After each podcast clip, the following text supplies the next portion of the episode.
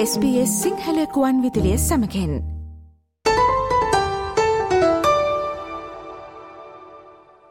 ඔස්ට්‍රේලියාවේ විද්‍යාංශයේ ඔස්කා සම්මාන ලෙස සැලකෙන විශිෂ්ටතම සම්මානයකට පසුගියදා ඔස්ට්‍රලියාවේ වෙසෙන ශ්‍රී ලංකේ අපේ ප්‍රචාවේ විශිෂ්ටයෙක් හිමිකම් කියනවා. ඔහු මේ වන විට University of Technology සිඩ්නිහි ඉලෙක්ට්‍රෝමැග්නටික් ඇන් ඇන්ටනා ඉංජිනීරිං පිළිබඳව කීර්තිමත් මහාචාරවරයෙක් ලෙස සේවය කරන අතර විදුලි සංදේශ ආරක්ෂක සහ අභ්‍යවකාශ තාක්ෂණයන්හි ලොව ප්‍රමුඛයෙක්ද වනවා. පසුගියදා ඔස්ට්‍රලියාව ආරක්ෂා කිරීම සඳහා විශිෂ්ට ලෙස විද්‍යාව යොදා ගැනීම වෙනුවෙන් දෙදහස් විසිතුන වසර සඳහා ජාතික මට්ටමේ ආරක්ෂක දෙපාර්තමේන්තුවේ යුරේකාට්‍යයාගේ දිනා ගැනීමට සමත් වන ඔහු නමින් කරු එස්සැල්ලේ. ඉතාමත් ආඩම්බරයෙන් ගෞරවාදරයෙන් යුතුව ආයිබෝන් කියල පිළිගන්නව කරුව ඔබව අද SBS සිංහල ගුවන් ඉදිරි වැඩසටහනට. ආයිබෝවන් අතනේ ඕකරු. දෙදහස් විසිතුන වසරේ ඔස්ට්‍රලියාවේ විද්‍යාංශය සඳහා පිදෙන ජාතික මට්ටමේ විශිෂ්ටතම සම්මානයක් වන Department of Defense Eureka Prize for Outstanding Science in Safeguarding Australia. මේ සම්මානය හිමිකර ගැනීමට ඔබ ඇතුළු ඔබ නායකත්වය ලබා දෙන කණ්ඩායම සමත් වෙනවා. මං ඉතින් ඔබෙන්ම දැනගන්නට කැමති මේ සම්මානයේ විශේෂත්වය කුමක්ද? අතන හේතු කීපයක් නිසා මේ සම්මානය විශේෂයි. එකක් නම් යුරේකා කියන්නේ ඔයා කිව්වා වගේ විද්‍යාව සඳහා ඕස්ට්‍රේලියාවේ තියෙන උසස්ම සම්මානය. මේකට සමහරු කියන ඔස්කාර්ස් of Australian Science කියලා. දෙවැනි හේතුව යුරේකා සම්මානයක් අපි වගේ ඉංජිනේරුවන්ට ලැබෙන ඉතාම කලාතුරකින්. මම හිතන විදිහට මේ සම්මානය මට මගේ කණ්ඩායමට ලැබුණේ අපේ පර්යේෂණවල ප්‍රතිඵල ඉතාම වැදගත් නිසා. ඉංජිනේරු කෝණයෙන් විතරක් නෙමෙයි විද්‍යා කෝණයෙන් බැලුවත් ඉතාම වැදගත් නිසා. විද්‍යා සම්මාන සඳහා භාවිතා කරන මැනුම ඉංජිනේරු සම්මාන වලට භාවිතා කරන මැනුම් වලට වැඩිය වෙනස්. අපේ පර්යේෂණ ප්‍රතිඵල වලට මේ මැනුම් දෙකෙන්ම උසස්ම සම්මාන ලැබීම ඉතා විශේෂයි. තවත් විශේෂ හේතු දෙකක් තියෙනවා. අපිව මේ සම්මානයට නම් කරේ නොමිනේට් කරේ ඕස්ට්‍රේලියාවේ පළමු ගගනගාමියා වන ආචාර්ය පෝල් ස්කලිපව. මට මේ සම්මානය ප්‍රදාන කළේ ඕස්ට්‍රේලියාවේ සහකාර ආරක්ෂක ඇමති ගෞරවනීය මැට් ටීසල්වේට් මැතිතුමා. මේ හේතු නිසා මෙම සම්මානය ගොඩක්ම විශේෂයි. ඕකරු මේ සම්මානය ඔබට හිමි වෙන්න ඔබේ අනිවාර්යෙන්ම විශේෂත්වයක් තිබිය යුතුමයි. මං ඔබෙන්ම දැනගන්නට කැමති මෙවැනි විශිෂ්ටතා සම්මානයක් ඔබට හිමිවෙන්නට ඔබේ විශේෂත්වය කුමක්ද. අතින මේක ටිකක් දිග කතාව මම ඉතක් කෙටියෙන් කියන්න උත්සා කරන්න. ඕස්ට්‍රේලියාවේ ආරක්ෂක අමාත්‍යාංශ තියෙනවා ඩිෆෙන්ස් සයන්ස් ඇන්ඩ් ටෙක්නොලොජි කියලා කොටසක්. ඒගොල්ල කරන්නේ ඕස්ට්‍රේලියාවේ ආරක්ෂාව සඳහා අවශ්‍ය විද්‍යාව හා තාක්ෂණය දියුණු කරන එක. මම ඒකේ එතන ඉන්න විද්‍යාඥයින් හා ඉංජිනේරුවන් සමග පර්යේෂණ කරා අවුරුදු කීපයක් අපි තාමත් ඒව කරනවා. මේ පර්යේෂණ වලින් ඉතා සාර්ථක ප්‍රතිඵල ලබා ගන්න අපිට පුළුවන් වුණා. ඒ පර්යේෂණ ප්‍රතිඵල ඕස්ට්‍රේලියාවේ ආරක්ෂාවට ඉතා වැදගත් වෙන හින්දායි අපිට මේ සම්මානය ලැබුණේ. යුරේකා සම්මාන සංවිධානය කරන්නේ ඕස්ට්‍රේලියා කෞතුකාගාරයෙන්. ඒ කියන්නේ ඕස්ට්‍රේලියන් මියුසියම්. මේ සොයා ගැනීමට අපි කියන්නේ මෙටා ස්ටියරින් කියලා. ඒකයි අපේ ගෲප් එක අපි නම් කරේ මෙටල් ස්ටියරර්ස් කියලා. මේ අලුත් ක්‍රමයෙන් අපි කරන්නේ ඇන්ටනාවක කිරණ යන දිශාව වෙනස් කරන එක. ඒක අලුත් ක්‍රමයක් දිශාව වෙනස් කිරීම. මොකද මේක ඉතා අවශ්‍යයි ආරක්ෂක සේවාවට පාවිච්චි කරන ඉක්විප්මන්ට් වලට. ඉතින් අපි මේ පර්යේෂණය කරා දැන් අවුරුදු හතරක් විතර. ඒකට ගොඩක් අය සහභාගී වුණා. මෙටාස්ටිරස් ටීම් එකේ ඉන්නවා මාත් එක්ක 13 දෙනෙක්. මම තමයි ඒකේ නායකයා. තව 12 දෙනෙක් ඉන්නවා. ඒකෙන් දෙන්නෙක් මම කලින් කියපු Defense Science and Technology Group එකේ අනිත් කට්ටිය ඔක්කොම අපේ යුනිවර්සිටි වල කට්ටිය. ඉතින් අපි එකතු වෙලා මේ අලුත් ක්‍රමය වෙනස් කරලා දියුණු කරලා අපි හැදුවා අලුත් ඇන්ටනා සිස්ටම් එකක් ආරක්ෂක අමාත්‍යංශයට අවශ්‍ය විදිහට. ඉතින් ඒක මම කලින් කිව්වා වගේ ආරක්ෂක අමාත්‍යංශයේ අවශ්‍ය දේවල් වලට ටෙලිකමියුනිකේෂන්ස් සර්වේලන්ස් වගේ දේවල් වලට ඉතාමත් වැදගත්. එම නිසායි ඒගොල්ල ඉදිරිපත් කළේ මේ සම්මානයට. ඔවුකරු ඔබට ජාතික මට්ටමේ සම්මානයක් සහ ඇගයීම් හිමිවන ප්‍රථම අවස්ථාව මේක නෙමේ. ඔබට එසේ මීට පෙර හිමිවුණු සම්මාන හා ඇගයීම් මොනවද. ඔව් පර්යේෂණවලින් විතරක් නෙමේ සම්මාන අතින ඉතා සාර්ථකයි කියලා සතුටු වෙන්න පුළුවන්. ඒක නිසා සමහරු මට නික්නේම් දාන්නත් පටන් ගත්ත. එක වාර්තාවක මට අවෝඩ් මැග්නට් කියලා කියලා තිබුණා.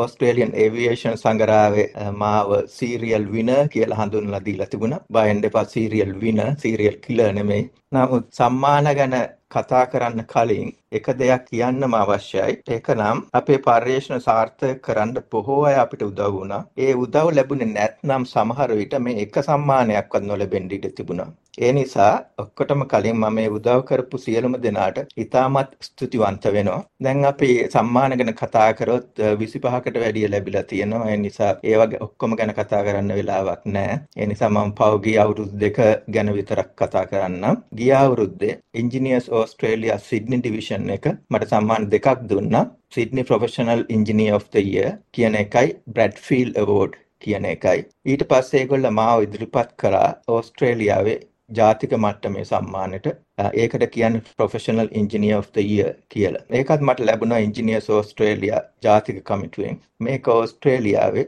ඉංජිනේරියෙකුට ලබා ගන්න පුළුවන් උසස්ම සම්මානය කියලා කියන්න පුළුවන්. ඊට අමතරව ගිය අවුරුද්දේ ඕස්ට්‍රේලියන් ස්පේස් අවෝඩ්ස් එකේදී මට ඇකඩමික් ඔෆ් ද ඉයර් සම්මානය ලැබුණා.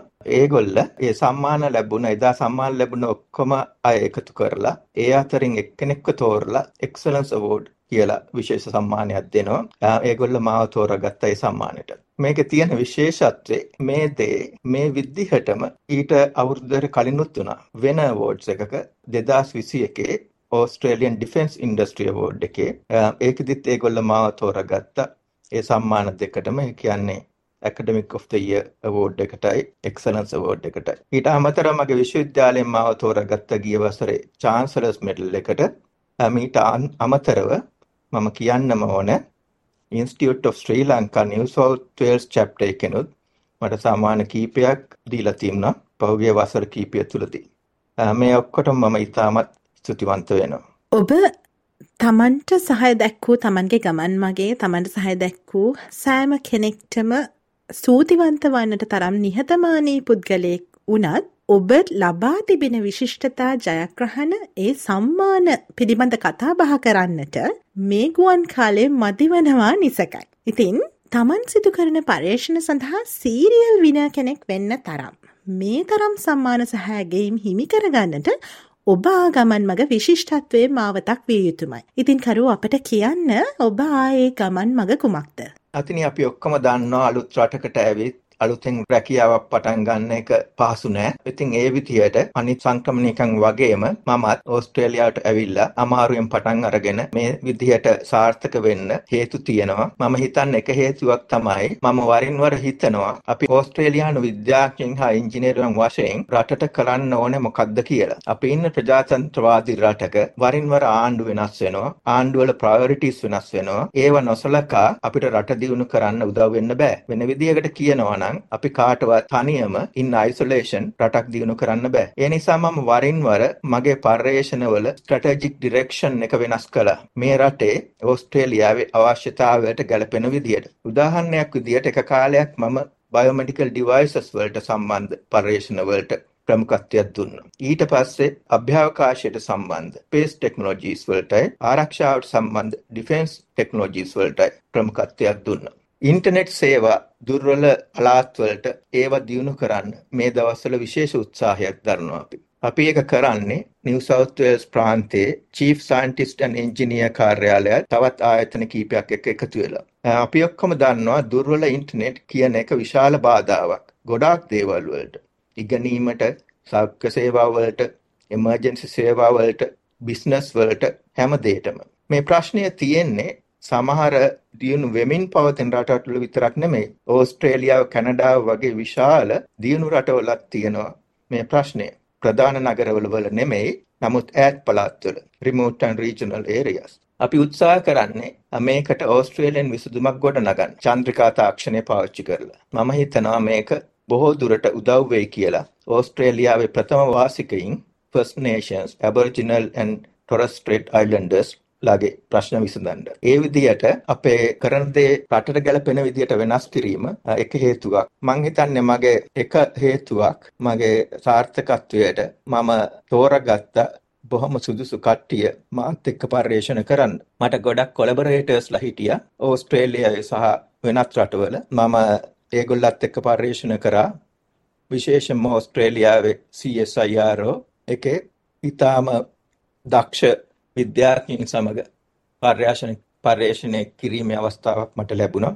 ඒ වගේම විශ්වවිද්‍යාල අනිත් රටවල් වල ඇමරිකාවේ, කැනඩාවේ, යුරෝපයේ විශ්වවිද්‍යාල සමග ඉන්දියාවේ, චීනයේ විශ්වවිද්‍යාල සමග අපේ ජොයින්ට් රිසර්ච් ඒ කියන්නේ අපි එකතු වෙලා පර්යේෂණ කරා. ඕකරු ඔබ ඔස්ට්‍රේලියාවට සංක්‍රමණය වූ ආකාරය ඒ වගේම ඔබට මෙවැනි විශිෂ්ට ගමනක් යාමට ඔබට ඔබේ පවුලේ සහයෝගය අනිවාර්යෙන්ම ලැබෙන්නට ඇති. ඉතින් ඔබේ පවුලේ පසුබිම අපි දැනගන්නට කැමතියි ඔබෙන්. ඔව් අතින් මට හැමදාම සහයෝගය ලැබුණා පොඩි කාලේ මේ වෙනකන් සියලුම දෙනාගෙන් පවුලේ අම්මලා තාත්තලාගේ මගේ භාර්යාව නිල්මිනි දුව ඒ සියලු දෙනාම ඒ ගමන ගැන කියනවා නම් ඒක දිග ගමනක්. මම ප්‍රාථමික අධ්‍යාපනය ලබා ගත්තේ ලංකාවේ කුඩා පාසල්වල. පේයන්ගොඩ ප්‍රාථමික, මාබොදලේ ප්‍රාථමික පාසල්වල. මාබොදලේ ඉන්නකොට ශිෂ්‍යත්වයක් පාස් වෙලා මට කොළඹ ආනන්ද විද්‍යාලයට එන්න අවස්ථාවක් ලැබුණා. ඒ දවස්වලත් මට ගණිතයට විශේෂයෙන් ඇප්ලයිඩ් මැතමැටික්ස් වලට සහ භෞතික විද්‍යාවට විශේෂ ආසාවක් තිබුණා. ඒ නිසා මම මොරටුව විශ්වවිද්‍යාලයේ තෝරාගත්ත ඉංජිනේරු විද්‍යාව හදාරන්න උපාධියෙන් පස්සේ මම ටික කාලයක් මොරටුව විශ්වවිද්‍යාලයේ ඉගැන්නුවා. විශ්වවිද්‍යාල ප්‍රතිඵල නිසා මට කැනඩාවට යන්න ශිෂ්‍යත්වයක් ලැබුණා. කැනඩාවේ ඔටවා විශ්වවිද්‍යාලයේ මම මාස්ටර්ස් PhD උපාධි ලබා ගත්තා. ඊට පස්සේ කැනඩාව රජයට අයිති පර්යේෂණ ආයතනයක අවුරුදු දෙකක් විතර මම පර්යේෂණ කරා. ඒ අතරදී මට ඕස්ට්‍රේලියාවේ සිඩ්නිවල මැක්වාරි විශ්වවිද්‍යාලයෙන් ලෙක්චරර් තනතුරක් ලැබුණා. ඒ නිසා අපි කට්ටියම 1992 සැප්තැම්බර් වල ඕස්ට්‍රේලියාවට සංක්‍රමණය වුණා. මම අවුරුදු 27ක් මැක්වාරි යුනිවර්සිටියේ සේවය කරා. ලෙක්චරර් පදවියෙන් පටන් අරගෙන සීනියර් ලෙක්චරර් ඇසෝසියේට් ප්‍රොෆෙසර් ඊළඟට ප්‍රොෆෙසර් වෙන තරමට ඔයා කලින් ඇහුවා වගේ ගොඩක් චැලෙන්ජස් තියෙන තිබුණා ඒ කාලේ. අලුතෙන් රටකට ඇවිල්ලා අලුතෙන් පර්යේෂණ පටන් අරගෙන කැරිය එක ගොඩනගා ගැනීමට අවුරුදු 4කට කලින් University of Technology Sydney UTS එකෙන් මට කීර්තිමත් මහාචාර්ය ඩිස්ටින්ගිෂ් ප්‍රොෆෙසර් කියන තනතුර ප්‍රදානය කරා. මම ඒක බාර අරගෙන UTS එකට ආවා. දැනුත් මම ඉන්නේ ඒ තනතුරේ. ඔවකරු ශ්‍රී ලාංකික පසුබිමක් තිබෙන ඔස්ට්‍රලියයානුවෙක් විදිහට ඒවගේම තමන්ගේ වෘත්තිය තුළ උපරිම ලෙස සාර්ථක වුණු පුද්ගලයෙක් විදිහට සංක්‍රමණික අපේ ප්‍රචාවට ඔබට දෙන්න තියෙන පණිවිඩේ මොකක්ද.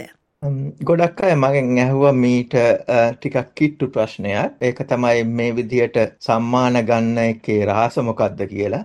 මම කිව්වේ කරන දේ හොඳට කරන්න. සම්මාන ගන්න බලාපොරොත්තු වෙන්නම් කිසිම දෙයක් කරන්න එපා. මොකද එහෙම කරොත් කරන දේ හරියට කරෙන්නෙත් නැහැ. සම්මාන ලැබෙන්නෙත් නැහැ. ඒකයි මගේ උත්තරේ. මොකද අපේ ජීවිත කාලය කෙටි. ඒ කාලය ඇතුළත අපි ලෝකේ යහපතට කරන්න පුළුවන් මොනවද කියලා හිතන්න ඕනේ. එහෙම හිතලා ඒ අතරින් ඔබට කරන්න පුළුවන් ඔබ කැමති දේවල් කීපයක් තෝරාගන්න. ඊට පස්සේ ඒ දේවල් හැකි උපරිම මහන්සියෙන් කරන්න. එතකොට ඒවා ඔක්කොම සාර්ථක වෙයි. මම වගේ පර්යේෂණ කරන අයට පර්යේෂණ ප්‍රතිඵල අනිත් අය දැනුවත් කිරීම සඳහා හොඳින් පබ්ලිෂ් කරන එකත් ගොඩක් වැදගත්. අපි කියන්නේ ඩිසෙමේෂන් කියලා. මේ දේවල් දෙක හොඳින් කරොත් අනිත් දේවල් ඔය සම්මාන, ඇගයීම්, සයිටේෂන්ස් වගේ දේවල් ඉබේම වගේ එනවා. ඔබ කරපු දෙයකින් ඉතා සාර්ථක ප්‍රතිඵල ලැබුණොත් ඔබට හිතෙනවා නම් ඒක සම්මානයක් ලැබීමට සුදුසුයි කියලා පසුබහින්න එපා අනිත් අයටත් ඒ ගැන කියන්න. ඒ අයත් ඔබ වගේම ඒ ප්‍රතිඵල අගය කළොත් ඒ කෙනෙක් ඔබ හෝ ඔබේ කණ්ඩායම සම්මානවලට නොමිනේට් කරයි. අන්තිම වශයෙන් මට කියන්න තියෙන පණිවිඩය නම් කොච්චර කාර්ය බහුල වුණත් ඔබේ සෞඛ්‍යයයි ෆිට්නස් එකයි අමතක කරන්න එපා. විශේෂයෙන්ම මන් දන්නවා සමහරුන්ට සමහර සංක්‍රමණිකයන්ට වැඩ බහුල වෙනකොට මේ දේවල් දෙක පස්සට යනවා. එහෙම කරන්න එපා. සෞඛ්‍ය සහ ෆිට්නස් එකට ප්‍රධාන තැනක් දෙන්න. ඒ අප සමග සම්බන්ධ වුණේ ඔස්ට්‍රේලියාවේ වෙසෙන අපේ ශ්‍රී ලංකයේ ප්‍රජාවට මහත් ආඩම්බරයක් ගෙන දුන් සම්මානනීය කීර්තිමත් මහාචාර්ය කරුවේ සැල්ලේ. ස්පේ සිංහල ගුවන්විදුලිය වෙනුවෙන් අපි එතුමාට බෙහෙවින්ම ස්තුතිවන්ත වනවා.